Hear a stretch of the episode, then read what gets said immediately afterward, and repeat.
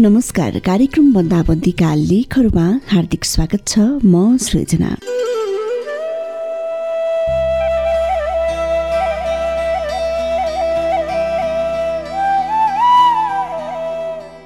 भोगिसकेकाहरूले कोरोनालाई जानिसकेका छन् तर जो भोग्न बाँकी छन् उनीहरूले कोरोनालाई टाढा बनाउने नाउँमा कति नजिकका सम्बन्धहरूलाई पनि टाढा बनाइरहेका छन्। परम्परावादी जातीय छुवाछुतको सोच र व्यवहार भन्दा पनि कैयौँ गुणा डर लाग्दो छ कोरोना संक्रमित र उनीहरूलाई गरिने छुवाछुतको व्यवहार।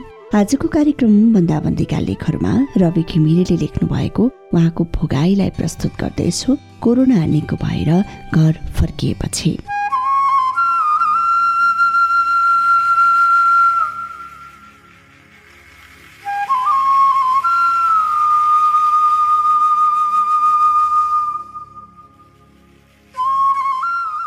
सरकारले लकडाउनको घोषणा गर्यो।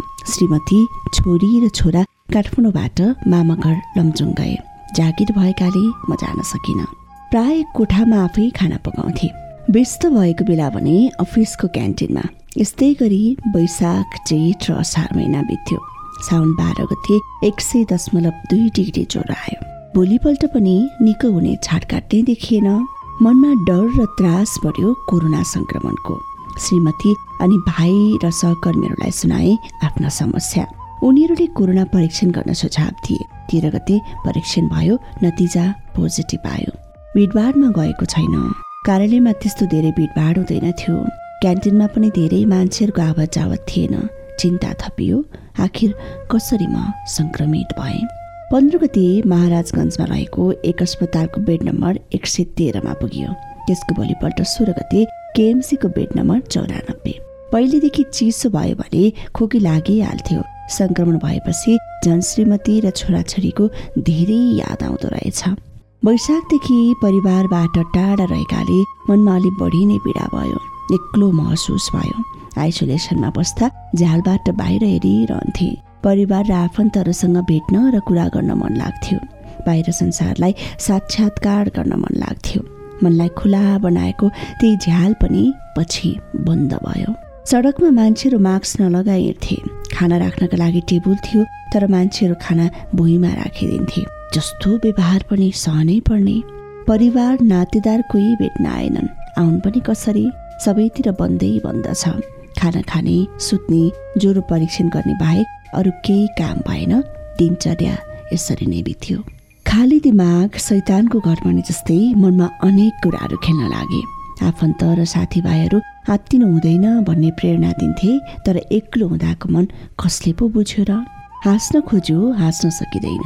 कोहीसँग बोल्न खोज्यो सबै डराउँछन् टाढा भाग्छन् कस्तो बिरामी हो यस्तो कोहीसँग पनि बोल्न नपाउने। बिस्तारै मनमा खुसी कसैले खुसेको जस्तै भानुहुन्थ्यो मन उदास हुन्थ्यो। सामान्य बिरामी भए नातेदार र साथीभाइ अनि इष्टमित्र भेट्न आउँछन् तर कसैको अत्तो पत्तो छैन। साथीहरू भेट्न आउन खोज्थे तर पहिले नै आउन डराउँथे।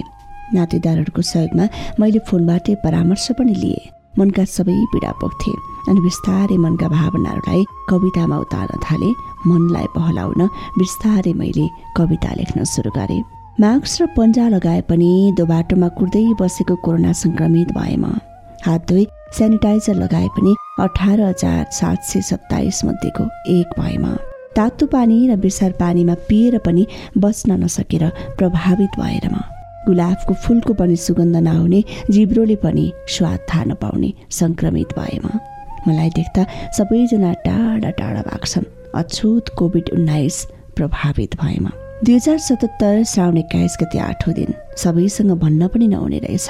पीडा पोख्दा मन चङ्गा हुने रहेछ। आफ्नोलाई देख्न मन लाग्ने रहेछ। भेट्न आउनेलाई झ्यालबाटै भए पनि हात हल्लाउन मन लाग्ने रहेछ। जीवनमा लेखिएको मात्र हुने रहेछ। गुनगुनाउन सहज होला गीत नै गाउन कठिन हुने रहेछ। डाक्टर नर्स आफन्त र साथीभाइको प्रेरणा आवश्यक पर्ने रहेछ। आत्मबल मनोबल आवश्यक पर्ने रहेछ। यस्तै यस्तै धेरै भावनाहरू पोख्दै गए। चौध दिनपछि अस्पतालबाट मुक्त भए तर कहाँ जाने? कोरोना परीक्षण पनि गरेको थिएन। परीक्षण नगरी घर जाने कुरा भएन।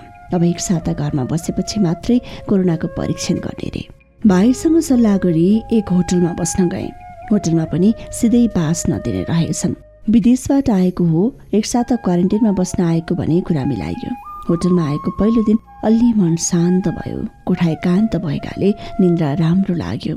भाइको कोठा नजिकै भएकाले भाइले खाना ल्याउँथ्यो। टाढैबाट छोडेर जान्थ्यो। एक दुई दिन ठिकै भयो तेस्रो चौथो दिन फेरि ज्वरो आयो।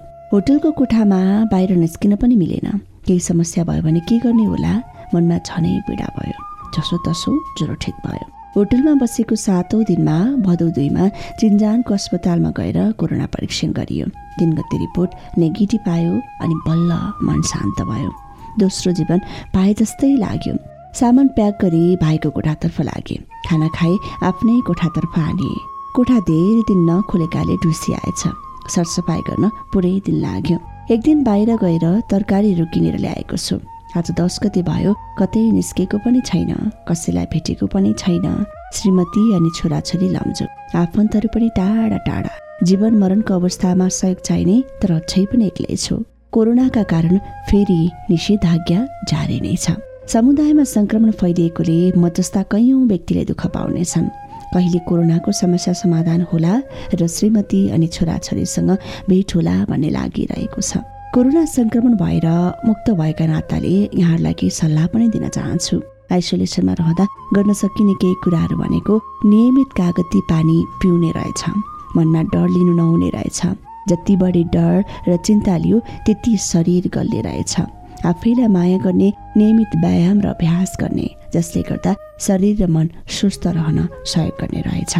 घरमा आइसकेपछि आफू बसेको घरमा कोही मान्छेहरू पनि बोल्न आएनन्। अझै पनि टाढा टाढा भइरहेका। भाग्ने गर्छन् अझै पनि। कोरोना सर्छ जस्तै गर्छन्। यो रोग जोसुकैलाई पनि लाग्ने गर्छ। आज मलाई लाग्यो निको भयो। तर भोलि तपाईँहरूलाई पनि लाग्न सक्छ। कति सम्झाउन खोजे। त्यसैले यो रोग सम्बन्धी गलत बुझाइलाई हटाउन हामी सबैले सहयोग गर्नुपर्छ। सङ्क्रमितलाई सामाजिक घृणा होइन माया र सद्भाव चाहिने रहेछ। मेरो आफन्त र परिवार टाढा छन् अझै पनि। व्यक्तिहरूले म प्रति हेर्ने दृष्टिकोण नकारात्मक छ। आफूले आफैलाई माया गरौँ टाढा भए पनि परिवार र आफन्तहरूसँग सम्पर्कमा रहिरहँ बिस्तारै समस्या कम हुँदै जानेछ।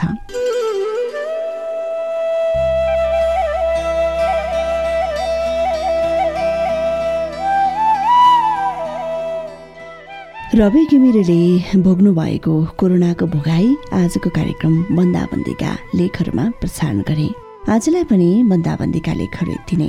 भोलि फेरि समयमा अर्को एउटा लेखको साथमा उपस्थित हुने नै छु। यतिन्जेलसम्म सुनेर साथ दिनुहुने तपाईँ सम्पूर्ण श्रोताहरूलाई विशेष धन्यवाद अनि प्राविधिक मित्र प्रहलादलाई विशेष आभार भन्दै बिदा हुन्छु। नमस्कार।